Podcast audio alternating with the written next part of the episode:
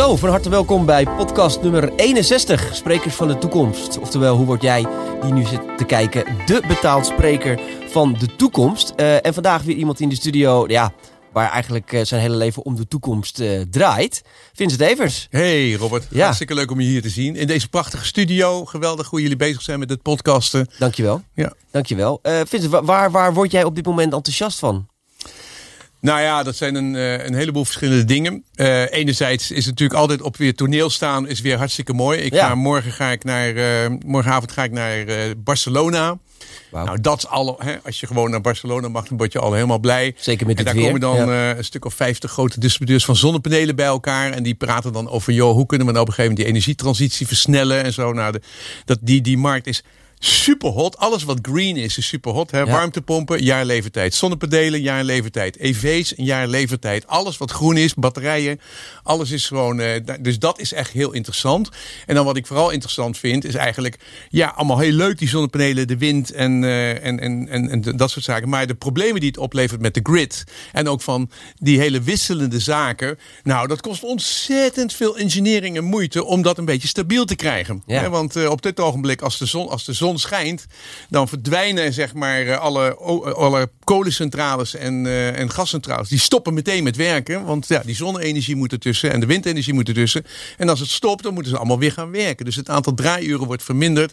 En dat kost een heleboel moeite om dat een beetje stabiel te krijgen. En vooral als we boven de 30% uitkomen, dan worden de problemen exponentieel groter. Dus ja, daar, dat vind ik belangrijk dat mensen dat weten. Dat het niet alleen maar makkelijk is, maar dat het ook ingewikkeld is en dat we daaraan moeten werken. En dat we daar ook veel innovativiteit eh, heen moeten gooien. Dus ja, die hele energiebranche, daar ben ik al heel erg lang mee bezig. Elektrische rijden. Ik ben ook een van de oprichters van de Vereniging Elektrische Rijders. Ja. Dus ik weet alles van elektrische auto's en hoe dat eigenlijk gaat. Nou, die strijd is eigenlijk gewoon uh, gelopen. Hè. Dat is echt gewoon van. In 2030 worden er geen auto's meer verkocht in Nederland die, uh, die nog plofauto's zijn. Alles elektrisch.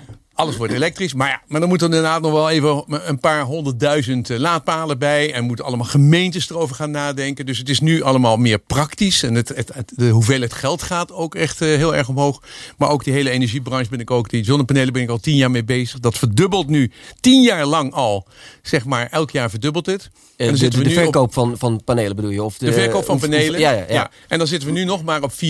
Maar dat gaat wel van 4 nu naar 8, naar 16. Het gaat nu echt, het wordt nu echt gewoon groot. Dus die hele, dat, die, dat, die branche vind ik geweldig. Nog maar 4% van de hele wereldbevolking heeft zonnepanelen? Nou, het is eigenlijk, 4, het is eigenlijk 2% op wereldschaal is nu zonne-energie. Ja, oké. Okay, dus het, het, het, percentage van mensen dat heeft is nog minder. Want je hebt ook van die hele grote zonneparken Precies. en zo. En eigenlijk is nu gewoon die. Maar alle energie die op aarde wordt, wordt, wordt opgewekt, is nog maar 4% afkomstig van zonne-energie. eigenlijk. In Nederland zeg maar, zitten we nu op 4 en dat groeit nu naar 8 toe. Wij, wij, lopen dan bij, wij zijn nu de meest hotte markt in, uh, in Europa. Nog, want het is ook, ja, je, als jij nu op een gegeven moment zonnepanelen op je dak neerzet, dan ben je gewoon uh, binnen vijf jaar, vier jaar heb je ze terugverdiend. Ja. Dus je bent echt een rund als je nu niet uh, zonnepanelen niet doet, erop zet. Het maar toch geen... blijkbaar doen het dan een hele hoop mensen nog niet. 100.000 mensen doen het zeg maar 100 tot 200.000 tot 150.000 mensen per jaar uh, zetten, een, zetten hun zonnepanelen op hun dak. Dus het gaat best wel over grote aantallen. Ja. Maar er zijn nog een heleboel mensen die het niet doen. Want we hebben 7,5 miljoen zeg maar appartementen en huizen. En daar kan op de helft kan wel zonnepanelen. Dus mensen kunnen nog veel meer, het kan nog veel meer groeien. Maar zoals ik al zei, we hebben geen handjes op het ogenblik. We hebben, de productiecapaciteit is dan enorm uh, in gebruik, terwijl het toch 100% uh, stijgt. Ja. Nou, die energietransitie is nu dankzij Poetin nu weer enorm geaccelereerd. En nu is opeens niemand meer van... hey, het is gewoon groen en het is goed voor het milieu. Nee, het is gewoon, ik moet overleven... om mijn energierekening te betalen. Nou, en dat geldt voor de zakelijke kant. Dat geldt voor de particulieren. Ja. Dus dat is helemaal hot. En hoe je nou bijvoorbeeld helemaal je huis kunt uh, gaan, van het gas af kunt gaan. En hoe je elektriciteit goedkoop kunt krijgen. En hoe je dat kunt gebruiken voor warmtepompen. Hoe je elektrisch kunt rijden. Uh, nou, dat is natuurlijk uh, super, super hot. Nou, daar ben ik al tien jaar mee bezig. Dus het is helemaal leuk dat dat ja, nu gewoon helemaal in de materie zit jij. Mainstream, ja, ja. En aan de anderzijds heb je gewoon digitale transformatie. Hè, dus eigenlijk gewoon van ja, hoe ga je nou op een gegeven moment, hoe ga je met je klanten om? Hoe, net zoals jij, hoe bereik ik nou eigenlijk mijn klanten? En hoe ga ik nou met podcasten om? Hoe ga ik nou met video om? Daar ben ik natuurlijk ook al heel lang eigenlijk mee bezig. Ja. En daar praktische dingen mee doen. Ik ben ook, ik ben voor bedrijven maak ik ook. Um, zeg maar eh, tv, hè, dus betaal-tv voor alle banken, zeg maar. Mhm. Hebben elke, eh, dan heb je gewoon afleveringen waar je gewoon gaat praten over oh, instant payments of PSD2 of hoe. eh, en dan maken we ook een aflevering speciaal voor die doelgroep die daarbij hoort. Dus dan gaan we meer heel diep in de onderwerpen. Dan hebben we gewoon zo'n studio als hier. Ja. En die nemen we dan overal mee en dan bij congressen. En eh, nou, dat, Nou, vind bent ik ook jij was wel leuk. een van de eerste sprekers, eh, zoals ik me kan herinneren. En ik denk ook wel inmiddels een van, eh, je doet het ook op het meest succesvol. Eh, heb je video ingezet, hè? Je Ja. hebt enorm bereik inmiddels op je kanalen ook. Er zijn maar heel weinig sprekers die eh, eh, dat ge- geadopteerd hebben. Maar jij bent daar direct ingesprongen. Ja, en ik heb het ben ook volgehouden Ik ben 15 jaar geleden, dus 16 jaar geleden, toen zeg maar YouTube kwam, toen ben ik eigenlijk begonnen met eh videootjes maken. Ja. Daarvoor eigenlijk al, maar toen, toen kon je dit gaan distribueren. En ik zat tegen iedereen te zeggen, jongens.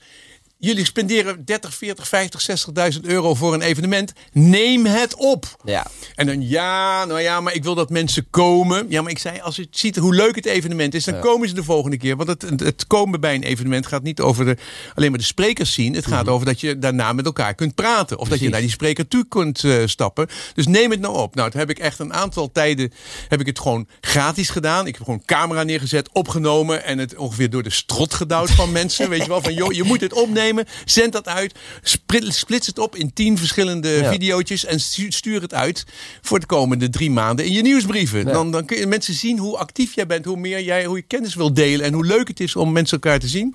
En ik had het ook gewoon, op een gegeven moment kwam de mobiele telefoon. Dus zet ik elke keer zet ik de mobiele telefoon aan. Dan ging ik live uitzenden.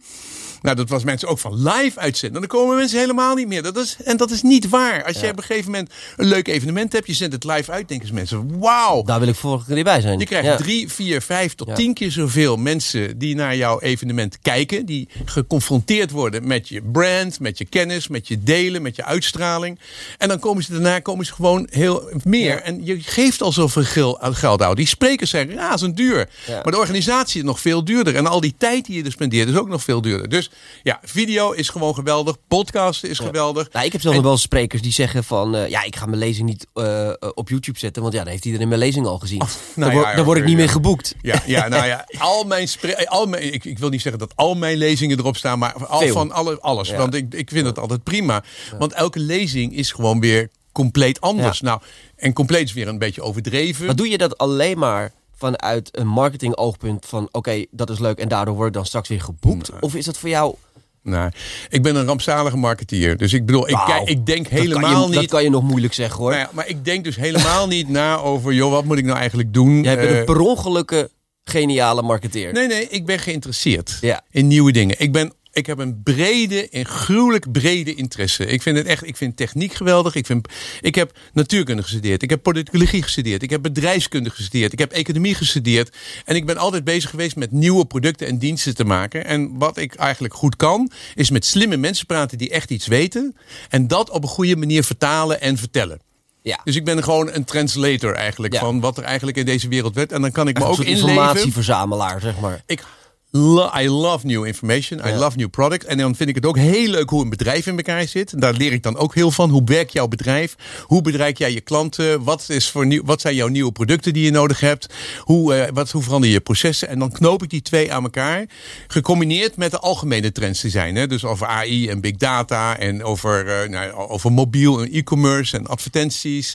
En ook over productontwikkeling en zo die er zijn. Nou, dat zijn de algemene trends. En die, probeer, die twee dingen die stop ik er dan eh, gewoon in. Heb je, ben je altijd zo nieuwsgierig geweest? Kan je ons eens meenemen hoe je als kind of zo was? Ben je altijd zo, zo, zo eager geweest om dingen te leren? Ja, nou ja, toen ik eigenlijk eh, acht jaar eh, oud was, toen ben ik, ehm, eh, toen was er jeugdland en dan kon je dan op een gegeven moment met, eh, dan in, in de zomer ging je daarheen en dan kon je, je hutten bouwen? Toch? Hutten bouwen. Hutten bouwen, ja. Ja. Maar wat deed ik, deed ik? Die hadden allemaal oude tv's staan en ik ging tv's repareren. Dus dat heb ik daar geleerd. Oh. Maar ze lang. tv's die staan dan om, Oude tv's stonden er. En om die- hutten van te bouwen of? Nee, nee, nee. Oh, die was stonden er gewoon. die stonden Oh, gewoon oké. 50 oude tv's en die Ja. mocht je dan slopen. Oh. Maar ik ging ze repareren en dan eh, was iemand die dat wist. En daarna had ik als tienjarige had ik een eh, business. Dan kocht ik, ging naar een winkel toe en dan zei ik, heeft u nog oude tv's? Ja, zei ze, ik heb nog een heleboel inruil tv's. Voor vijf gulden mocht je die hebben. En op de achterkant van mijn eh, fiets nam ik die dan mee naar huis. En dan zat ik in de kelder zat ik die dingen te repareren. Dat was buizen vervangen. Nou, Als ze dan werkte, de helft kon ik repareren. Dan zet ik een advertentie in de krant. Fantastische tv, 100 gulden. Ja. En dan verkocht. En dan had ik dus als tienjarige had ik heel erg veel geld. Dus dat heb ik toen eigenlijk heel lang eh, gedaan. Maar dat is redelijk uniek toch voor iemand van tien? Dat je, dat je Nou ja. überhaupt al bezig bent met dat Nou soort ja, dingen. Zo, dus sommige mensen zijn bezig met sport. En eh, ik was vooral met tafeltennis bezig, maar ik was daar niet zo. Ik, wat, dit was wel heel fanatiek. En ik vond het ook heel leuk om dan die tv daar neer te zetten. En mensen te ontvangen en zeggen, kijk eens wat een mooie tv en dit en dat. Ik was ook heel goed in kinderpostzegels verkopen. Ik liep overal naar binnen. Ik dook onder de toonbank van, de, van het politiebureau langs. En ging ik alles, alle kamers langs van, wilt u niet zeg maar kinderpostzegels verkopen? Dus ik vond verkopen leuk en ik Ja. vond techniek leuk. En die twee dingen aan elkaar eh, te binden. Dus dat heb ik eigenlijk gedaan. Ja, en ik was heel erg, ik was gewoon goed. Ik was heel slecht op school met eh, Frans en Duits en talen. En dan was ik echt, dan ben ik ook blijven zitten in de eerste klas. Maar op een gegeven moment kon ik die vakken laten vallen. En ja, natuurkunde en wiskunde en scheikunde.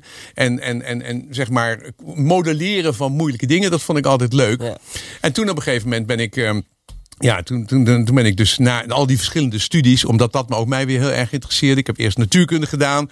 Wauw, moeilijke, moeilijke modellering doen in de fysieke wereld. En toen dacht ik, ja, ik moet ook een beetje weten hoe die wereld in elkaar zit. Toen heb ik politicologie gedaan, mijn kandidaats. En toen wist ik, hoe worden besluitvorming eh, gedaan in organisaties? Wie heeft de macht? Wie zit aan tafel? Hoe nemen jullie besluiten? En wie heeft een hekel aan wie? En zo kijk ik nog steeds naar bedrijven. Ja. Dat ik zeg van, joh, hoe zit hier het managementteam in elkaar? Welke afdelingen concurreren met elkaar? Welke werken goed samen? Eh, en, en, en, wat voor, en, en hoe zit jullie besluitvorming in elkaar? Dus dat, dat, zo kijk ik nog steeds naartoe. En ik, kijk ook economisch en ik kijk Maar je, technologisch. bent een, je bent echt een informatiespons. Ja, maar dan is het ook de uitdaging. Dan heb ik op een gegeven moment 300 slides. Ja, En dan heb ik eh, zeg maar, dan moet ik het terugbrengen tot 100. Hè? Dus als ik een eh, presentatie vanwege doe. de tijd. Anders dan Ja, sta je de hele dag op minuten. podium. En ik doe meestal twee minuten per, twee slides per minuut. En dan heb ik al 150 slides mag ik dan, eh, zeg maar, eh, mag ik dan doen.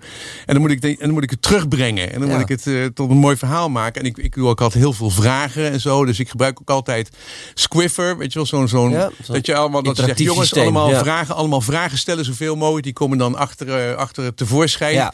En dan zeg ik, nou, eens even kijken. En dan kijk ik op mijn mobiel. En dan kijk ik naar een filmpje van één minuut. En dan kijk ik of er leuke vragen zijn. En dan zeg ik, ja, ik heb net een vraag hierover. En dan probeer ik dat ook meteen, die interactie tevoorschijn te brengen. Wat vind jij van sprekers die zeggen... eh, eigenlijk moet je geen PowerPoint gebruiken? Of, of, of presentatie? Nou, vind ik altijd heel knap. Mensen die zonder PowerPoint. Ja. En mensen, weet je, ik, ik ben dan altijd heel erg enthousiast. En ik laat heel veel zien. En aan het einde van de presentatie zit iedereen van: wow, chief. Wat moet ik hiermee? Weet Ja. je wel? Echt van. van eh, en en dat, is, dat ben ik. Ik laat Ja. mensen in verwarring achter. En ik probeer hun hoofd open te maken voor nieuwe dingen. Ja. En ik, maar is, en dan is bijna een soort overkill van ik ben een beetje overkill. Ja. Ik ben een beetje overkill. En, en ik, ik, ik, aan de andere kant heb je dan van die fantastische sprekers. eh Covey, weet je wel, de Seven Habits of Effective Mhm, People. Die heb ik een paar keer meegemaakt. Die praat heel rustig. Die kijk je heel erg rustig aan. Eh, die, die, die doet dan drie dingen of vier dingen. En doet, dan praat hij een anderhalf uur over. En hij vat het mooi samen. En aan het einde weet je precies wat je moet doen. Fantastisch. Ja. Kan ik heel erg van genieten. Ik luister ook heel erg graag naar podcasts van The Economist. Heel rustig, heel Oh ja. kalm. Weet je wel, maar wel intellectueel en heel duidelijk. Aan de andere kant luister ik ook heel erg eh, naar, eh, naar, naar hele enthousiaste sprekers, zeg maar. Die, die Maar wat is dan, hoe zou je jouw rol dan omschrijven als spreker? Is het dan echt mensen even wakker schudden of zo? Ik ben wakker schudden, het hoofd openmaken, gaan wauw, een aantal keren wauw. En ik moet hier iets mee. Maar wat dan? En dan, heb ik ze, dan geef ik ze nog wel een paar pointers. Ja. Maar ik geef ze geen kant-en-klare oplossing. Want jij moet uit- uiteindelijk op zoek gaan. Wat betekenen deze ontwikkelingen voor mij? En hoe kan ik daar eigenlijk eh, hoe kan ik dat gaan toepassen? En ik Ja. probeer ze dan aan, een beetje aan het begin te zetten. Kan je je nog, kan je, je nog herinneren ehm, de eerste keer dat je op een podium stond als spreker? Ehm, even kijken. Ja, nou, ik ben dus eigenlijk eh, mijn podiumervaring heb ik vooral mee, heb ik vooral ehm, eh, gedaan toen ik eigenlijk in Amerika zat. En toen heb ik een eh, bedrijf gestart. Dat heette Sico Software. En wij maakten document management systemen voor AutoCAD. Ik weet niet, AutoCAD, weet je wel, Ja, tekenen zeker, met behulp van de computer. Nou, honderdduizenden mensen hebben dat product eigenlijk gekocht van mij. En, of van mij, van ons, zeg Ja. maar. Want je hebt, bent dat met iemand anders toen Ik ben dat toen alleen begonnen. Oké. Maar in Amerika. Maar wat, ik had een software developer. Developer, die heette Ronald van Boensel. En die had het AutoCAD-formaat gekrek, gekraakt. Mhm. En ik kon dan heel snel AutoCAD-tekeningen laten zien zonder AutoCAD. En dat heette Automanager, uh, zeg maar. En ik ben in Atlanta begonnen. En heb in mijn eentje. En toen heb ik dat, hebben we dat uitgebouwd.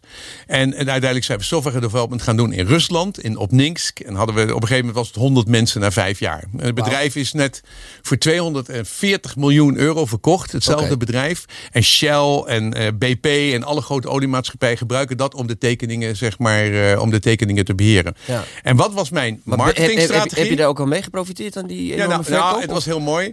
nou, niet mooi. We hebben het op een gegeven moment aan gilden verkocht. Ja. Voor 20 miljoen. Oké. Ja. En ik had 7% nog over van de aandelen naar, eh, naar eh, zeg maar, nadat alle venture capitalisten langs waren geweest. ja, ja, ja. Want ik had het opgebouwd in vijf jaar. En daarna was het nog eh, tien jaar kwamen centjes nodig. En, eh, en toen, ja, t- toen ik wegging hadden we, ik geloof, 10 miljoen gulden aan omzet. En toen daarna zijn de venture capitalisten gekomen en allemaal nieuwe directeuren. Nou, in ieder geval, we hebben het voor gulden verkocht voor 20 miljoen. Had toen 20 miljoen euro omzet. Vier jaar later is het voor 80 miljoen verkocht. En drie jaar later voor 240 miljoen. Zo. Dus ik heb toen van die 20 miljoen heb ik 7% gekregen. 1,4 miljoen. Nee, want de venture capitalisten hadden iets, dat was een liquidity preference. Die kregen eerst drie keer hun geld terug. En wat er overbleef, kreeg ik dan 7% van. Dus ik heb toen 4 ton overgehouden. Heb ik, heb ik heel lang aan gewerkt. Ja. En, en, eh, maar dat, toen heb ik ook heel veel geleerd over venture capital. Eh, capital. En daarna Ja. heb ik ook voor Roel Pieper op een gegeven moment als venture capital eh, zeg maar list gewerkt in, eh, in, in, in dat soort omgevingen met Amerika. Ja. Maar dat maakt Dus- je wel ook wel redelijk uniek als eh, spreker, maar ook als trendwatcher. Hè, om het woord maar even te gebruiken. Af en toe is het een beetje een jeukwoord in de markt, maar eh, uiteindelijk is dat eh, eh, toch ook wat je doet. Eh, maar jij hebt echt in de praktijk ook gezeten door. Je hebt, Ja, jij hebt ook heb- echt eigen eh, innovatieve bedrijven opgezet. Ja, ik heb psycho-automatisering eh, opgericht. Dat was PC's in netwerken en met AutoCAD. En dat waren zeg maar 60, 70 mensen. Heb ik ooit nog aan Gerard Sandring verkocht, zeg maar. Ja. Dat is de basis zeg maar, van zijn automatiseringsbedrijf geworden. Toen heb ik op een gegeven moment dat Psycho Software in Amerika opgericht. Met Rusland en Amerika. Toen heb ik Media Plaza gedaan. En Media Plaza... Oh, ik wil nog even zeggen van de vraag die je had. Hoe ben je nou begonnen op het toneel? Oh ja, daar waren we. Daar Nou, waren ik- mijn strategie was altijd: ik, heb, eh, ik kan praten over mijn product, dat je AutoCAD tekeningen kunt laten zien. Maar ik was AutoCAD dealer geweest en mijn, doel, mijn, mijn eh, audience was AutoCAD dealerships. En ik hield altijd presentatie: hoe word je nou een goede AutoCAD dealer? Ja, ja, ja. En hoe ga je op een gegeven moment je diensten verkopen in plaats van alleen maar die pakketten met marge? En ik, ik werd heel bekend in Amerika als een, een soort een, een, een, een dealer whisperer. Ik kon vertellen hoe ze, wat de toekomst ja, ja. was van hun dealership. En dan, by the way, ik heb ook nog een product. Weet je wel, dus Ja, dat, precies. toen Ja. heb ik heel veel gepraat over trends in de markt en hoe je daar als bedrijf mee om moet gaan. En toen kwam ik terug in Nederland en toen heb ik Media Plaza helpen oprichten. Toen werd ik de eerste directeur. En eh, samen met bestuur, met eh, Karim van der Laan en Peter Vervest. En dat was zeg maar, hoe kun je, wat, wat gaan we doen met internet? En dat was in de jaarbeurs in Utrecht. Een prachtig centrum, wat er heel mooi uitzag. En ik heb daar gewoon 25.000 mensen per jaar ontvangen. En we drie, vier, vijf groepen per, eh, per dag. En ik gaf daar gewoon elke keer een presentatie. Wat gaat het internet doen voor jou? Ja. En als Heineken langskwam, dan ging het over de biertrading. En als op een gegeven moment de ING langskwam, ging het over banken. En als op een gegeven moment eh, VND of de Bijenkorf langs ging, ging het over retail. Dus ik heb allemaal verschillende presentaties gegeven. Wat betekent nou eigenlijk internet voor jou als bedrijf in alle verschillende fases van de strijd van jouw bedrijf? Dus daar nog in de begintijd van internet. 1996 tot 2000 heb Ja. ik dat toen gedaan. Echt toen ook, eh, beneden daarna kwam de dotcom-crisis. Maar toen heb ik duizenden en duizenden ik, eh, presentaties gegeven. Ik heb nog nooit zo hard gewerkt tijdens mijn mediaplaatsen. Want dat was gewoon vier, vijf presentaties per dag. Zo. En eh, nou ja, dat hoe, was, eh, hoe, ja, kijk, ik, dat, dat dat je een hele energieke man bent, dat, dat, dat valt op. Maar is, is dat te doen? Hoe hou je dat vol, vier eh, presentaties Nou per ja, dag? ook, je hebt altijd een, een ba- een basisstrategie. Ja. Hè? En dat ging eerst eh, over bandbreedte en over wat voor soort wat je voor dingen kon doen. Een betaling op internet en, en dat soort zaken. We hadden een standaard. En daarna hadden wij dan een stuk of vijf journalisten. Die maakten dan een stukje specifiek voor deze klant. Dus het was altijd gewoon een standaard. En, eh, en die standaard die werd elke maand werd die gewoon verbeterd en veranderd. Dus Ja. we hadden een, een, we hadden een content management content team van een man of zes, zeven op een gegeven moment. Om dat allemaal mooi te maken. Ja. En die hadden dan gesprekken en eh, die, die vroegen zich en dan, Ja. en dan maar ja, jij moest iedere keer voor die klas staan, om het zo nou maar ja, op een, gegeven moment, op een gegeven moment, ik was toen wel, ik was de directeur en ik was ook spreker, maar we hadden op een gegeven moment ook vijf sprekers. Oh ja. Die, eh, die eh, eh, Daan Kwakernaat, ik weet niet of je die nog zeker. kent, dat was een van mijn, eh, dat was een van mijn geweldigste sprekers, een stotteraar, Ja. die allemaal fantastische verhalen vertelde. Een hele over, lange man ook. Hele lange man, ja, ja, en zo'n ja, ja. geweldige vent. Dus we hebben, daar zijn ook tientallen sprekers uit voortgekomen. Want Oh, ja. we hadden ook piloten. En piloten die bedienden dan de slides. Weet je wel, we hadden dan Mhm. twee beamers.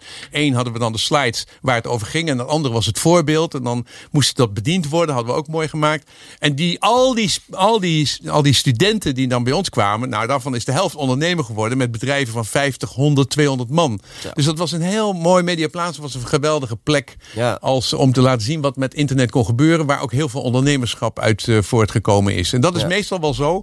Als je een bedrijf hebt en mensen komen er werken.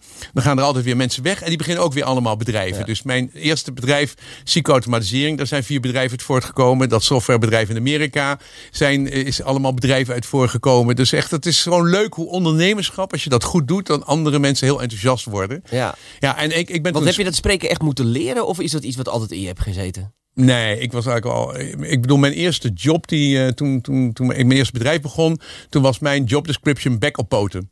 Ik moest gewoon gaan vertellen over het product bij de klanten. En eh, ik moest gewoon rondlopen. En ik vind het gewoon leuk om verhalen te vertellen. Ik vind het heerlijk. En ik heb ook helemaal geen probleem om honderden keer hetzelfde verhaal te vertellen. Weet je wel, als ik dan over zonne-energie of EV of over, eh, of over AI, weet je wel, iets van Dat 27 gaat, je jaar niet, dat geleden gaat je niet vervelen. ik. Nou ja, nee, nee ik, ik, ik, word heel, ik ben heel enthousiast. En dan vind ik het vooral leuk als mensen dan ook enthousiast worden. Weet je wel, Ja. als ze vragen stellen en als je ze ziet lachen en dingen. Daar word ik dan heel erg blij van. En als ik, als ik dus. Ik vind het voorbereiden altijd. eh, het voorbereiden zijn altijd twee zaken. Mhm. Eén, het spreken met mensen die veel weten. En, en dat uit ze halen. Dat vind ik hartstikke leuk. En dan maak je een bak. Research. Ja, de research vind ik heel leuk. En praten met iedereen. Daarna maak je heel veel slides. Het grootste gedeelte waar ik een enorme hekel aan heb. Of het stuk waar ik een hekel aan heb. Is als ik dan 350 slides heb. En ik mag er maar 120 meenemen. Dan moet ik drie kwart moet ik weggooien. En denk oh, maar dit is zo'n leuk verhaal. En dat is zo'n leuk verhaal. En hier en dan. Maar daar ga, en dan, dus dan, dan, dat vind ik echt vreselijk. Ik zit ook altijd. Weet je wel, nou, zo. Maar heb je daar een soort systeem voor ontwikkeld voor jezelf? Ook dat als je een bepaald onderwerp krijgt, dat je overal slides hebt en dat je dan een soort van selectie maakt of zo? Of Ja, maak je ja dat ieder- moet ik doen. Ik, Ja. heb, een- ik heb een slide deck eh, wat, wat voortdurend wordt geüpdate. Er Ja. zitten dan eh, 500 slides in. En dan moet ik 120 uithalen. Maar dat gedeelte, nieuwe slides maken vind ik heel leuk. Slides selecteren en in de juiste volgorde zetten. En beslissen wat ik moet doen. Daar zit ik echt enorm mee te struggelen. En dat doet pijn en moeite. En na al die jaren is dat nog steeds niet makkelijker geworden. Maar heel even voor mijn beeldvorm. Want eh, hoe vaak sta jij in eh, eh, per jaar op een podium? Ja, hangt een beetje vanaf. Eh, in de goede tijden 100 tot 150 keer. Ja. En slechte tijden 50 keer. Maar waar, eh, dat zit ik dus na te denken, want jij hebt dus bijna voor elke lezing ontzettend veel voorbereidingstijd ook. Ja, dat is. Nou ja, ik, als, ik, als ik ongeveer kijk van een presentatie. Je hebt natuurlijk het gesprek met de. Je bent ongeveer in voorbereiding. Als ik denk van gesprek met de, met de, met, eh, met, eh, met eh, de opdrachtgever. En, en twee of drie experts die ik dan interview. Dat zeg maar, daar ben ik een dag mee bezig. Dan Ja. ben ik ook nog een dag, een halve dag tot een dag ben ik bezig om die slides te maken. En dan eh, eigenlijk het, het, het condenseren tot wat ik nou eigenlijk Ja. moet doen. Is niet zeg maar de hoe, grootste hoeveelheid tijd. Is meer is meer stressvol. Ja. Want ik moet af. Dus dat doe ik heel vaak de dag van tevoren als het niet anders kan. Of Ja. s ochtends vroeg Ja. als ik het moet. Dus daar ben ik dan ook nog een paar uur mee bezig en dan nog een beetje oefenen. Dus ik denk dat ik twee je- dagen. Ik denk dat ik twee dagen nodig heb voor een presentatie. Maar dan zit je, Alles bij dan zit je jaar al bijna helemaal vol. Ja, bij, bij, bij 100 spreekbeurten en 150 Ja. zeker. Ja. En, eh, en bij 50 dan heb ik nog eh, andere tijd. Want ik doe ook bijvoorbeeld innovatiereizen. Dus dan ga ik bijvoorbeeld met 40 doktoren gaan we naar China toe om het hele healthcare systeem te bekijken. En dan ben ik de, de meest travelende trendwatcher die allemaal het in, in perspectief plaatst. Dus dan zeg ik jongens, we gaan nu naar deze en deze bedrijven toe. Daar is dit en deze technologie is daar interessant. Bijvoorbeeld de Chinezen, die gingen in 2008 hadden ze besloten, we gaan naar universal healthcare. Er waren 400 miljoen Chinezen waren toen eh, verzekerd. En ze gingen naar 1,4 miljard. Dus gingen 1 miljard mensen moesten, in, eh, moesten zeg maar naar, in, in 5, 6 jaar naar eh, Universal Healthcare. Toen werden er nieuwe bedrijven gestart, WeDoctor, waar 250 miljoen Chinezen en eh 250.000 doktoren op bij zitten. Eén, weet je wel, we hebben Amazon en we hebben dan eh, zeg maar wat groter. Maar dit zijn dan healthcare platforms waarbij je met de app kun je contact krijgen met de huisarts. Je kunt chatten, je kunt audio doen, je kunt video doen, je krijgt een, eh, je krijgt een recept, je kunt meteen naar de, je kunt meteen naar het hospitaal lopen. Echt heel mooi, super geïntegreerd. Nou, dan gaan we daar met die doktoren gaan we daarheen. En dan vertel ik, jongens, dit is bijzonder vanwege dat en dat en dat. En na het bezoek vertel ik, nou, dit en dit was opmerkelijk. Dit is eigenlijk gewoon standaard. En dat vind ik geweldig. En zo ga ik naar Israël toe en naar Finland en naar eh, Amerika en naar allemaal verschillende landen. Dus dat probeer ik ook één of twee keer te doen. En dan, dat, en dan en een aantal bedrijven per jaar ga ik dan de diepte in. Hè? Bijvoorbeeld met dat betaal-tv of bijvoorbeeld met zonnepanelen, zeg maar. Er is dan zo'n distributeur, de grootste distributeur in Nederland. En die, die vraagt mij dan om uh, gewoon een aantal keren per jaar een sessie te maken, speciaal over uh, die zonnepanelen. En dus dan ga je de diepte in. Dan maak je zeg maar uh, tv speciaal voor een bedrijf. Dat vind ik ook heel leuk, want dan ga je enorm de diepte in het bedrijf. Leer iedereen ja. kennen, leer hun problemen kennen. En dan kun je gewoon in twaalf afleveringen, zoals wij hier bij elkaar zitten, met gasten, kun je dan gewoon bij elkaar ja. praten. Dat is ook gewoon heel erg leuk. Ja. Maar moet jij iets doen om jezelf uh, scherp te houden of jezelf gezond te houden? Het is best hard werken. Als ik dat zo hoor. Je bent veel onderweg, je reist veel. Ja, um, nou, is op een gegeven moment, is, ik was eigenlijk gewoon, ik heb me helemaal te barsten gewerkt en, ja. uh, en slecht gegeten en nooit gesport. Oké. Okay. En, en een jaar of vijf geleden, toen kreeg ik last van mijn oor. Toen viel ik eigenlijk bijna om. En dat is echt, uh, toen heb ik zes weken in bed gelegen. Toen dacht ja. ik, ho. En toen ben ik kantelpunt. En toen uh, dacht ik van, ik moet zorgen voor mezelf. En sindsdien zit ik drie keer in de week, s ochtends om zeven uur. En vanochtend ook weer bij de sportschool. En een uur lang, een uur lang heel hard sporten. En dan in de sauna, dan ben ik om half negen klaar. En dan ben ik helemaal ready for the Ik ben iets van 15 kilo afgevallen. Ik eet, uh, ik doe um, intermediate fasting. Ik begin om 12 uur te eten met uh, smoothies. Weet je wel, spinazie, appel, ja. citroen, allemaal ja. dingen. En, en, avocado's. En dat doe ik meestal voor het lunch. En, uh, en dan daarna gewoon een etentje. En dan moet ik eigenlijk om 8 uur stoppen. Dat is het echt het moeilijkste. Mm -hmm. Maar ik probeer gezond te eten. Dus ik ben wel behoorlijk bewust geworden daarvan eigenlijk. Maar 8 uur stoppen met, dan moet je eten. rust nemen. Eten. Oh, eten. eten. Oh, oh ja, eten. Ja, dat is echt. Want ik ben ook wel, ik hou ontzettend van snacks. Ja. Echt gewoon. Dus, maar gezond eten, daar heb ik echt wel, dankzij die, dankzij die waarschuwing, heb ik daar echt wel op een gegeven moment uh, heb ik daar wel iets aan gedaan. Dus dat, ja, ja dat, dat moet je gewoon, uh, dat moet je doen. Als ja. je, en dan, daar word je ook fit van, daar word je energiek van, daar word je enthousiast van. Dus dat, dat, uh, dat ben ik wel aan het doen. Ik ben wel bewuster van geworden sinds toen. Ja, wat, wat, een mooie waarschuwing. Wat denk jij dat, dat, dat een. Wat maakt nou een goed spreker? Je hebt, je hebt heel veel sprekers gezien, met zoveel jarenlang spreken. Wat denk je nou dat, dat, dat, dat je moet hebben om een goed spreker te kunnen zijn? Ja, dat is echt gewoon zo ongelooflijk verschillend. Want je kunt rustig zijn, je kunt enthousiast zijn. Je kunt heel veel zeggen, je kunt heel weinig zeggen. Je kunt heel erg specifiek over een bedrijf inzoomen. Of je kunt gewoon algemene waarheden voorkomen die over menselijk gaan. De samenwerking en de business en uh, dat soort dingen. Dus er is ongelooflijk veel, uh, veel verschil. Dan heb je ook nog gewoon, dus je hebt in de delivery en het onderwerp zijn, is al heel erg veel variatie. Dan is er bekendheid, zeg maar. Dan is er van heel veel mensen die op tv komen, die, zijn, die, worden, die worden niet gekozen vanwege hun content, omdat ze zo ontzettend nee, geweldig heel veel mensen hebben. Maar dat trekken, iedereen ja. denkt van, joh, als die komt, nou dan, Ja, dan is, dan ik vind ik het leuk. En dan, dan spreek je dat aan. Dan is het meer de persoonlijkheid die je gewoon leuk vindt. Het gaat niet over inhoud, maar dan gaat het meer over de sfeer die je eigenlijk eh, die je creëert. Hè? Dus als je Charles Groenhuizen hebt als eh, dagvoorzitter, dan weet je dat je een sympathieke, warme dagvoorzitter hebt die zich goed voorbereidt, die altijd professioneel is, die, die ook eh, die mensen een beetje aanspreekt. En, Ja. en, en weet je, Ja. dat, dat weet je. En zo heb je dan. eh, Ja, zo heb maar je als je Jort allerlei- Kelder hebt, dan weet je dat je iemand in huis haalt die af en toe kan die- schoppen en kan eh, Dus- statement maakt. Ja, dat vond ik ook wel zo leuk met Pim Fortuyn. Dus dat, die was ook op een gegeven Oh, ja. moment zo'n. eh, die was ook dagvoorzitter. En die was echt zo van. een enorme drama queen. Dan zat je gewoon bij ABN AMRO, hield hij een verhaal. En dan zegt hij, ja, de banken die hebben ook altijd gewoon problemen met dit. En ja, en jullie bij ING... En Pim, we zitten bij ABN. Nou, Oh. jullie bij ABN, weet je wel, dat kon hem allemaal helemaal niks schelen. Nee. Die was ook echt een trip om gewoon eh, mee te maken. En die, die was, dat, dat, dat was gewoon een, een totaal iets anders. Dus ja, wil je sfeer, wil je bekendheid, wil je inhoud, wil je op een gegeven moment dat mensen met iets weglopen, wil je eigenlijk je eigen producten en diensten en eh, onder de aandacht brengen. Het is een ongelofelijke combinatie van eh, dingen. Dus ja, ik bedoel, ik fulfill daar, ik ben gewoon heel erg geïnteresseerd en ik ben gewoon enthousiast en ik, eh, ik, ik ben veel. Ja. Ik ben veel. Hè? Dus als je dat eh, en, en, en ik, ik laat mensen gewoon eh, met een open blik van in verwarring Ja. achter van ik moet wat. Maar als Vincent is geweest, dan is hij ook wel geweest. Ik ben, het is nooit dat ik on, onopvallend uh, zeg maar aankom. was hij er en- wel? Ja, ja en, en ik, ik vind dan ook, maar dan ben ik ook heel geïnteresseerd. Dan zijn er vier andere sprekers bij een evenement. En dan, als ik dan denk, wauw, dat is een geweldig spreker, dan interview ik hem meteen. Mhm. Ja, precies. En ik, ik maak dus meestal ook twee of drie filmpjes van andere mensen. En die interview ik dan en die zet ik dan online. Ja. En die, zie je ook wel eens ontzettend slechte sprekers? ja? Eh, En wat maakt dat dan slecht? Eh, nou, ja, als ze gewoon allemaal dingen vertellen die iedereen al weet. Hè, dus. Mensen kunnen over Open open, deuren, open deuren lullen, lullen. En dan denk ik, oh nee, dat ga je toch niet gewoon nog vertellen. En dan, en dan hebben ze, nou ja, klote slides. Weet je wel, ja. Ja. Dus je ziet, A, energieniveau. Als je een laag energieniveau hebt, dan worden mensen niet enthousiast van. Als je iets met je, als je klote slides hebt die niet plaatjes zijn en die, waarbij je dan verhaal vertelt, maar als je gewoon allemaal bullets gaat doen, dan, worden, dan mensen altijd, en dat zijn maar vaak de meeste mensen van het bedrijf zelf, weet je wel. Dat zijn niet de professionele sprekers. Ja, ja. Die, dat is dan echt, eh, dat is dan heel erg. Eh, arrogantie, weet je wel, dat je echt niet, dat je, dat je een beetje arrogant doet alsof je alles weet. Nou, en als je dan niet alles weet, dan gaat iedereen zo van fuck. Damn you. Ja, ja, Weet je wel, ja, dat is echt dan ook, dat zie ik ook gewoon regelmatig. Ehm, ik word altijd super geïrriteerd, maar dat is publiek meestal niet.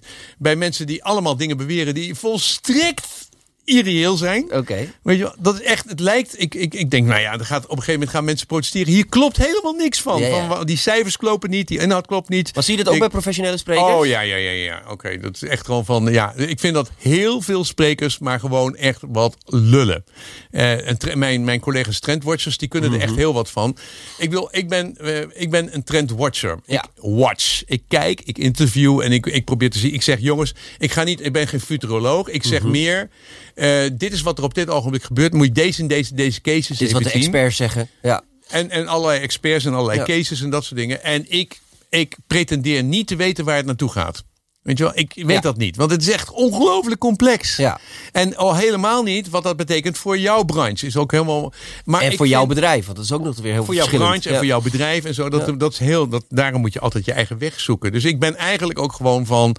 Maar, maar wat is dat? Ik ben in awe wat er allemaal gebeurt. Ik vind het geweldig om die verhalen te vertellen. Maar om te zeggen dat ik nou weet of dat nou inderdaad echt eh, de, de cases zijn om naar te kijken. En dat je die gewoon kunt toepassen. Daar ben ik heel voorzichtig in. Ja. Heel voorzichtig. Dan moet ik veel meer weten over het bedrijf. Maar de- de en ik vind dat er eh, trendwatchers zijn die echt gewoon zeggen. Ja, dit gaat er gebeuren in de zorg. En dit gaat er gewoon gebeuren in de energiesector. En denk, joh, die energiesector, als dit gaat gebeuren, dan, hebben we, dan kunnen we het licht niet aanhouden. Weet je wel, dan, dan hebben we alleen maar dit, een wisselende energie. En dan kan dat helemaal niet. En, dan, en ik, vind dat, ik vind dat heel irritant. Ja. Maar dus meestal als je gewoon onzin verkoopt op het, op het, eh, op het eh, toneel, dan eh, krijg je daar helemaal geen feedback van het publiek. En als je het leuk, enthousiast, met een beetje gevoel voor, voor, voor zelfvertrouwen, dan kun je een heleboel maken. Ja. Bizar. Ja, maar je haalt het aan, want de trendwatcher heeft natuurlijk de afgelopen jaren ook wel hier en daar wat negatief in het, in het nieuws gekomen. Zoals met Quote, die met een heel artikel kwam over allemaal trendwatchers die dingen beweerden niet, die Ja. niet waar waren. baalde ervan als een stekker dat ik niet in die lijst van.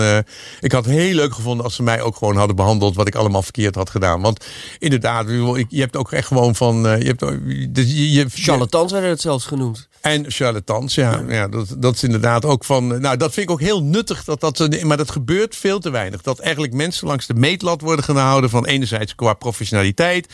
Anderzijds Nou, qua wel- inhoudelijkheid ja. en dingen. Er, CV, is geen. CV, Hè? want er worden nog wel eens wat dingen in cv's hier en daar opgeleukt, heb ik wel eens het idee.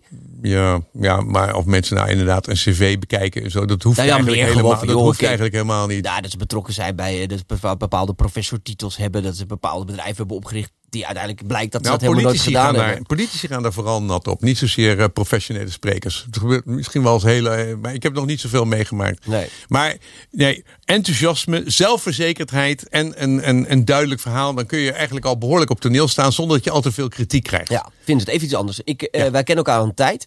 en ik geniet altijd enorm van je, want je bent altijd een ontzettende bron van inspiratie en informatie. En ik weet nog dat je een paar jaar geleden tegen mij hebt gezegd: Robert, je moet in de bitcoins. Mhm. Je moet in de crypto's. Ja. En dat heb ik uiteraard ook gedaan. En eh, daar ben ik eh, een aantal keer heel erg blij mee geworden. Eh, op het moment iets minder. Ehm, wat is nu jouw visie op de crypto? Mijn visie is op de crypto A over het sentiment. Ja. Op het moment dat iedereen gaat zitten zeggen: het is niks, het is waardeloos en het is één grote scam. Ja. Dan is het moment om in te stappen. Ja. Weet je wel? Op het Dus moment nu. dat iedereen. Hè, dus nu is Ja. een fantastische tijd. We zitten midden in de cryptowinter. Eh op het moment dat de cryptowinter er is, gaan allemaal bedrijven die zijn rustig bezig en die zijn de technologie enorm aan het verbeteren. Dan, komen, dan worden tegen veel lagere kosten komen er veel betere technieken bezig. En dan betekent dat een jaar later dat je dan weer dat die hele markt weer omhoog gaat. Dus dat is inderdaad een enorme varkenscyclus. Dus als je nou even kijkt van crypto, dat is eigenlijk een manier om eh, geld of waarde of aandelen, eh, zeg maar, van de een naar de andere over te maken. Zonder dat er eigenlijk een, een trusted third party, zoals een notaris of als een bank, eh, zeg maar, voor nodig is. Nou, dat is meer nodig dan ever. Dat is echt ongelooflijk. Als je ziet hoe ons betalingssysteem nu functioneert. Hè, met de euro en met de dollar. En als je ziet wat voor een er we van gemaakt hebben om, eh, met het betalingssysteem. En dat we op een gegeven moment alles zeg maar, met 0% rente in de, in de lucht moesten houden. Waardoor de ongelijkheid enorm groot is geworden. Huizen heel duur zijn geworden. Gekocht door mensen met credit. Het betalingssysteem is op dit ogenblik zwaar aan het piepen en het kraken. Dat is al sinds 2008 aan de hand. En er komen nu betalingssystemen aan op basis van Bitcoin, Lightning. Waar je honderdduizenden betalingen kunnen doen tegen een fractie van een cent. En het geld komt meteen van jou, gaat van mij naar jou over. Dus die innovatie komt er gewoon aan. Hetzelfde met energie. We moeten energie moeten we meten. We hebben nu in plaats van acht centrales in Nederland, hebben we nu zeg maar iets van 500.000 centrales. Ieder dak is een centrale. En we moeten die afrekening moeten we veel beter krijgen. Nou, dat, daar kun je ook met crypto kun je daar hele slimme dingen mee doen. Hetzelfde met eigenlijk met gezondheidszorg. Dat je een geldsysteem kunt creëren dat alleen in de gezondheidszorg werkt, waardoor de fraude veel en veel minder gaat worden. Dus die hele, we hebben een nieuw betalingssysteem nodig, geschoold op zeg maar wat gemaakt is voor het internet, op de digitale wereld. Alle nationale banken zijn ermee bezig. Hè. De Central Bank Digital Currency, die zijn er ook mee bezig. Er moet gewoon een nieuwe generatie van geld komen. En crypto is daar nu in de eerste tien jaar zeg maar mee bezig. En we ain't seen nothing. Het is allemaal maar een kleine fractie van de totale hoeveelheid schulden die we, eh, die we gecreëerd hebben de afgelopen tien jaar. En het wordt ook echt gewoon heel erg veel eh, sneller eh, en beter. Alleen, er zijn aan de andere kant, er zijn nu zeg maar ongeveer 100.000 crypto-projecten.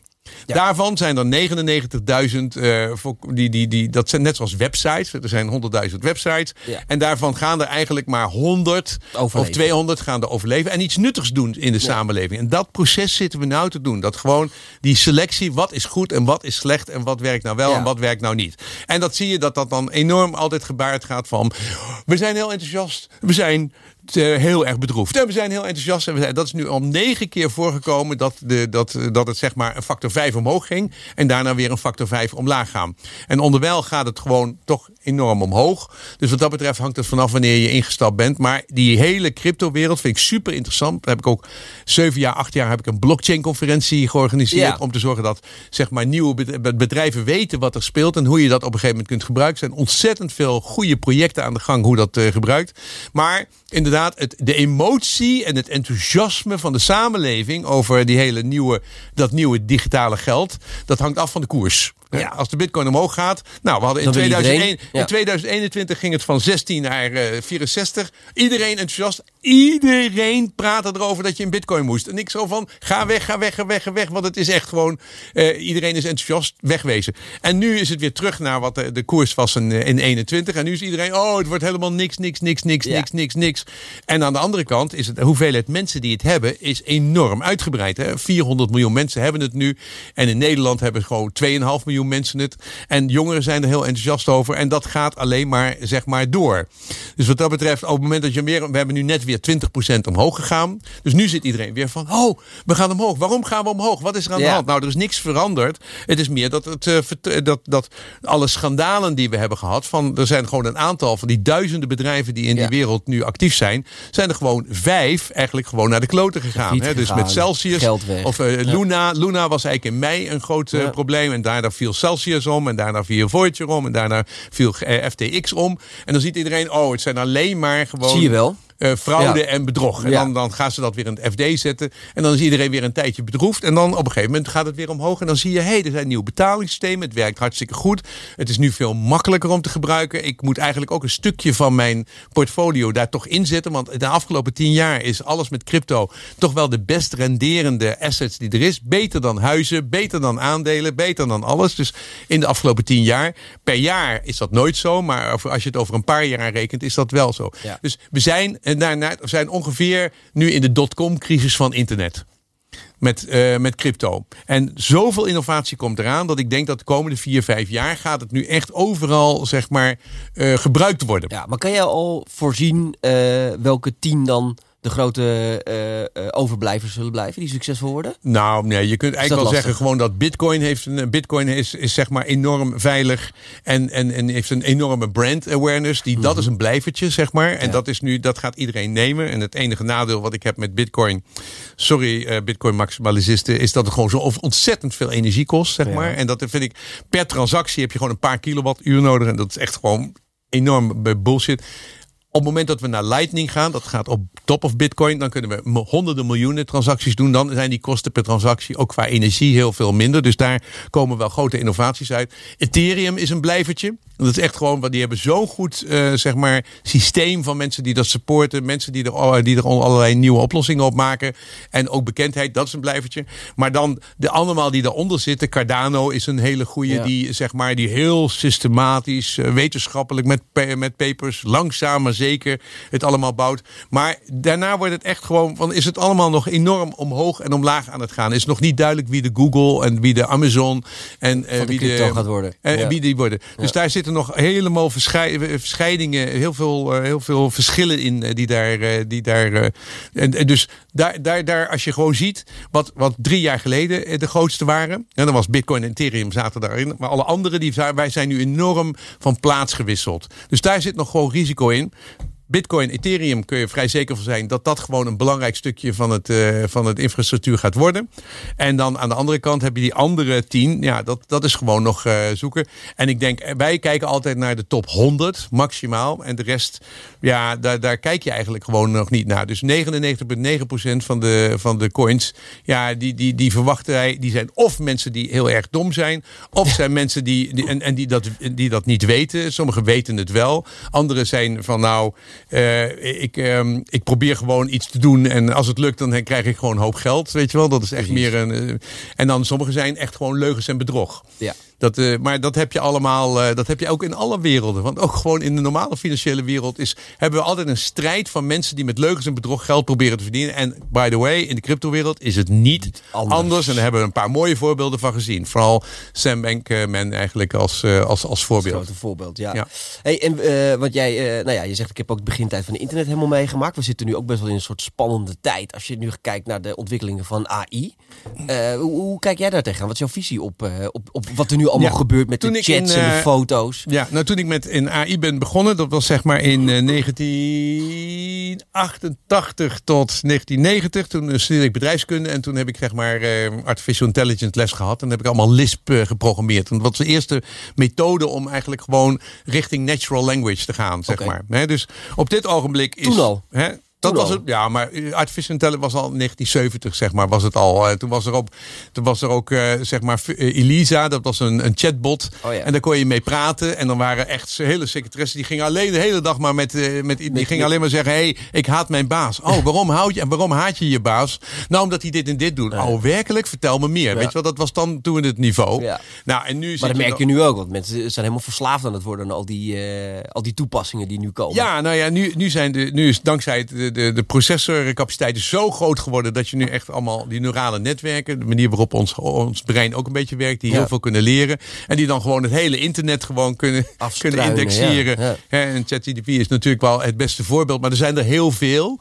En, en nu komt het op een gegeven moment. Het, het is al een hele tijd dat AI wordt gebruikt om beslissingen te nemen. Als jij gewoon kijkt, als jij naar een eh, human eh, resource eh, pakket hebt, dan worden al gewoon artificial intelligence dingen gebruikt om te zeggen van jij bent een goede kandidaat voor die job. Dus dat zijn niet meer de mensen die erin zitten. Nee, er komen gewoon uh, bijvoorbeeld duizend cv's komen erin. De computer besluit, deze cv's zijn, uh, deze cv's zijn uh, echt de, die potentieel het meeste waard. Ik ga een matching maken. En of je nou inderdaad een matching doet met, een, met dating, of je doet matching met banen, of ja. banen of, of met, of met um, wie krijgt promotie. Dan worden gewoon shortlist gemaakt. En dan mag jij nog op een knop drukken als, als, als hoofdmanager van ja, ik neem gewoon nummer 1 of 2 uh, van die lijst. Maar er worden al zo ongelooflijk veel besluiten genomen. Aandelentransacties zijn al verreweg het meeste door slimme robots wordt dat uh, genomen. Ik heb ja. zelf ook een bedrijf dat heet Diamond Pix en wij doen investeringsstrategieën voor de cryptowereld. Dus je kunt bij ons kun je een signaal krijgen. Dan kijken wij naar jouw portfolio en dan zeggen we die kopen en die verkopen en dat doen we dan automatisch. Dus we doen dit okay. in je eigen portfolio en wij zorgen is het dan ervoor. Bot of zo? Hè, het is, dat zijn hele slimme bots. Ja. En uh, wij zorgen dan dat we in jouw eigen account, waar je geld hebt staan, kun je, kun je, kunnen wij strategieën gaan uitvoeren. En terwijl de hele markt naar beneden ging, gingen wij een beetje zo'n horizontaal of een beetje omhoog. Dus Oh ja. wij, wij, wij, ik ben daar zelf ook al heel erg mee Ja. bezig met die bots. Maar dat is al tien jaar zo, dat die bots langzamerhand steeds slimmer worden. Maar nu is natural language processing, die bots kunnen jou gewoon verstaan. Zowel qua stem, als gewoon kan praten. En die kunnen dan ook gewoon iets neerzetten, wat iets terugzetten waar je denkt van...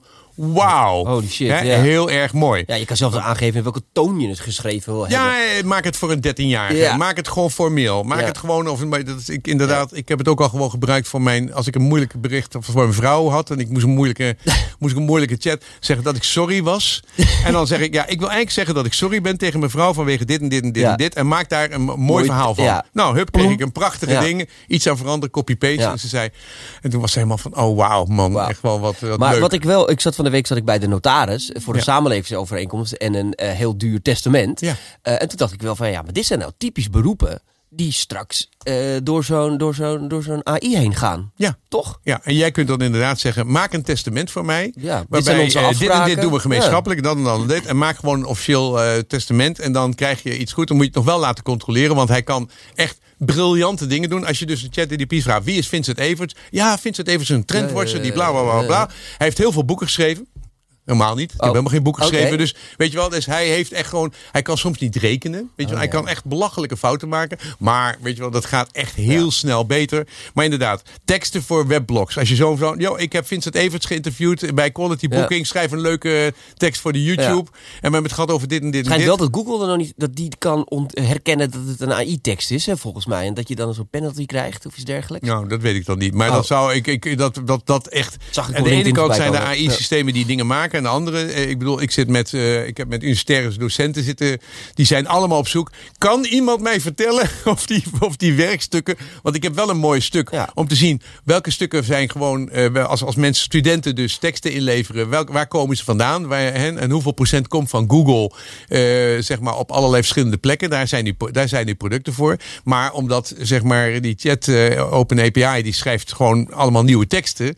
En daar moet je dan ook weer een herkenningssoftware voor hebben. Maar die komen er wel. Dat Ja. gewoon van eh, dat is hetzelfde. Hetzelfde natuurlijk ook van dat je ook ehm, avatars hebt die allemaal mooie dingen kunnen Precies. doen. Die ook eigenlijk gewoon naar jou, met jou kunnen praten. En video's ook die, die je kunt maken. Dus dat zijn allemaal weer nieuwe problemen die we tegenkomen.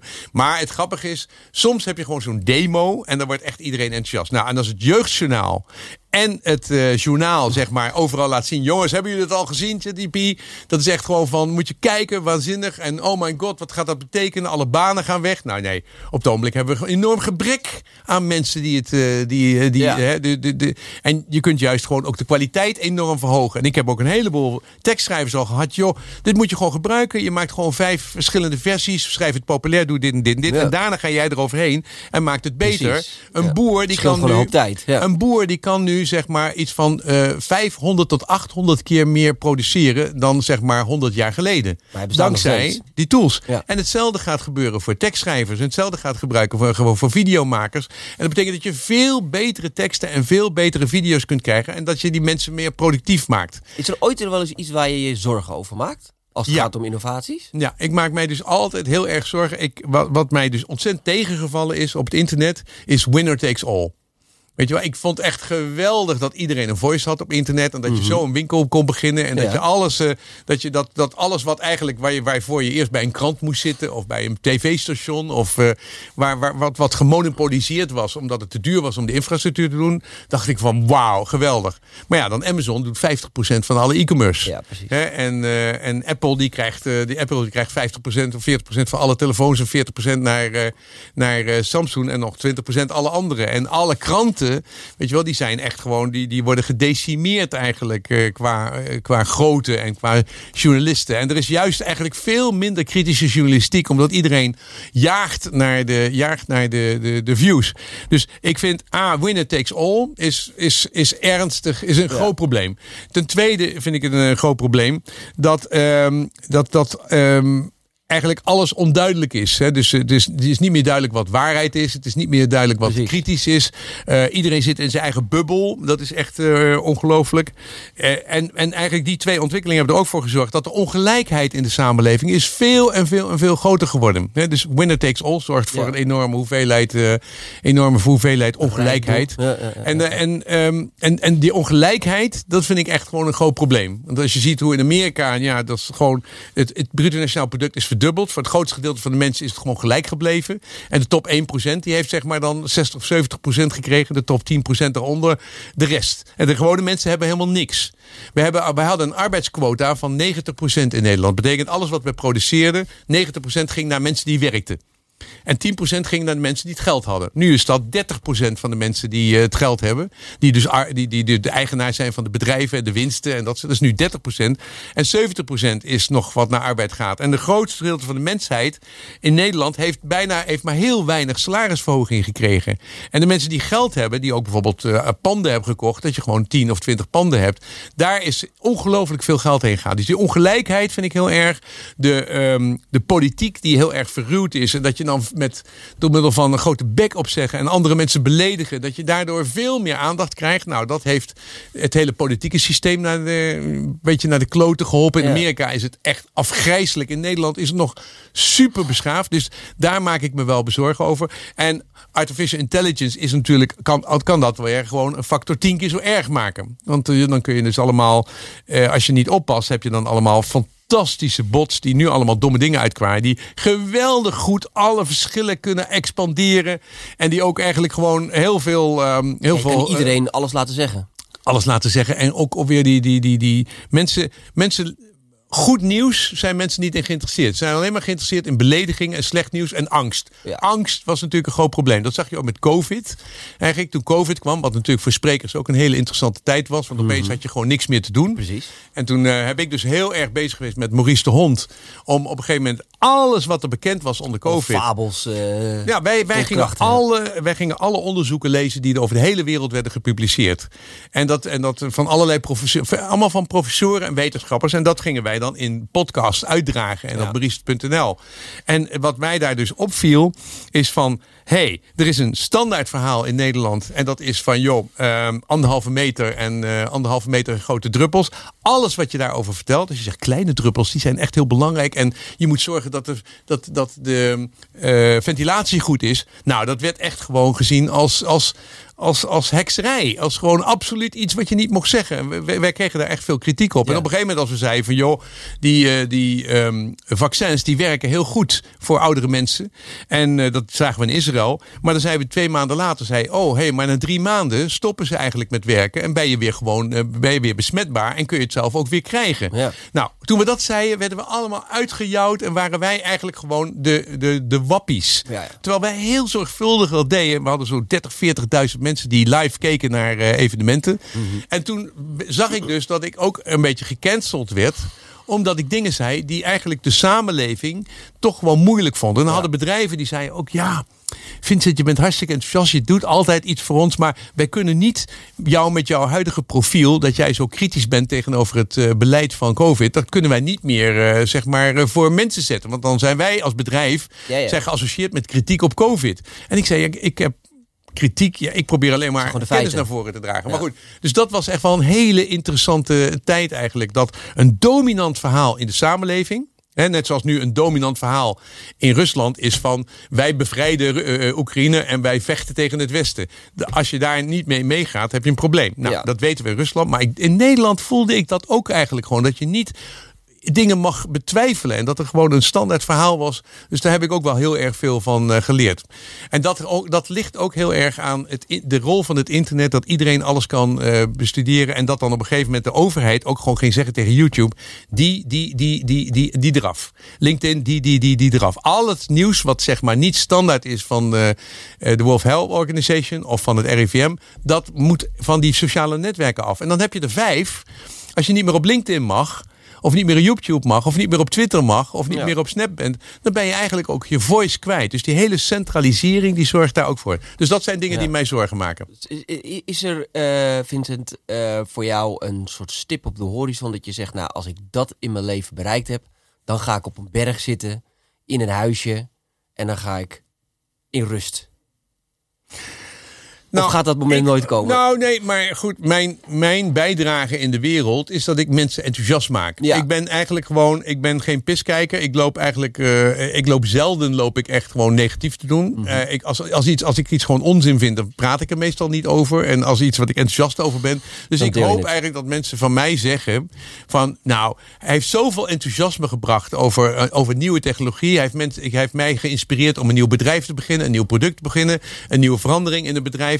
Ik hoop dat ik positieve verandering heb, uh, zeg maar, teweeggebracht. En dat vind ik, dat zal ik altijd blijven doen. Ik bedoel, ik ben nu super enthousiast over, uh, weet je wel, die energie, energierekening. Die is nu voor heel veel mensen een gigantisch probleem. Dus ik vertel nu heel veel mensen hoe je met dynamische tarieven, dat je daarna over moet schakelen, want dat scheelt gewoon de helft. Hè. Dan kun je van de ene dag van een flexibel contract naar een dynamisch contract overschakelen. Nou, dan is de gasprijs de helft en de, en de elektriciteitsprijs een derde. Kun je van de ene dag kun je naar de ANWB gaan of Frank mhm. Energy of naar een paar andere dingen. Dat vind ik heel belangrijk. En dan, uh, en dan ook uh, hoe je dan bijvoorbeeld ook van het gas af kunt gaan door je cv in te ruilen voor een paar airconditionings. Dat kost bijna niks. Een warmtepomp is heel moeilijk en duur. Je moet je huis goed isoleren. Ja. Maar als jij, een, als jij een, een, een airconditioning is gewoon een warmtepomp die gewoon lucht blaast. Nou, die dingen die kosten niks, zijn meteen leverbaar en die heb je binnen drie dagen geïnstalleerd. Ja. Als je dat doet kun je eigenlijk gewoon 90% van het gas uh, zeg maar besparen. Ja, zonnepanelen dus op je dak uiteraard. En zonnepanelen in je dak, dan ben je gewoon klaar. Dus dat vind ik, ik blijf het altijd leuk vinden om te zeggen, hè, net zoals ik zei tegen, tegen Jos die uh, nu alles managt. hey, jullie kunnen met deze podcast kun je het ook live doen. Dan kun je ook vragen stellen. Dan kun je tegelijkertijd uitzenden. Ik ben altijd geïnteresseerd in nieuwe dingen. En ik wil het altijd zoveel mogelijk mensen vertellen. En ik denk dat dat nog wel een tijdje doorgaat. Ja, vind en, uh, ik vind het altijd feest om je te spreken. Ik jou ook. Uh, we, uh, ik stel voor dat we het binnenkort gewoon nog een keer gaan doen. Een podcast opnemen. Want volgens mij uh, kunnen we uren met elkaar. Ja, dan kunnen we over één praten. onderwerp eens even gaan praten. Precies, hè? Dan kunnen we het inderdaad over AI of over de energietransitie. Ja. Kunnen we een beetje meer in depth gaan. En want het is, er, er, is zoveel, er is zoveel te vertellen over alles. En ik vind jij, jij in ieder geval een innovator bent. Van enerzijds met je speakers was natuurlijk een innovatie. Maar daarvoor zat je al, maak je mooie filmpjes van sprekers om ze te interviewen, om ze te laten zien. En zo. Jij probeert ook meer, jij probeert ook veel te doen aan innovatie als sprekersbureau. En uh, nou, nu ga ik verhuizen en zo. Dus je blijft altijd bezig. En dat waardeer ik gewoon aan, aan, aan quality. En quality is ook altijd hartstikke leuk om mee samen te werken. Altijd professioneel zitten, niet te zeiken. Probeer je niet te micromanagen, zeg maar. Uh, maar hou je wel in de gaten of het goed gaat. Dus wat dat betreft zijn jullie goed bezig. Dankjewel Vincent. Lief dat je het zegt. Alright. Dankjewel. Jullie allemaal bedankt voor het kijken. Uh, en hou vooral ook uh, onze website en al onze social media kanalen in de gaten. En misschien binnenkort wel live. Uh, voor al onze podcasten en inspirerende content. Dankjewel.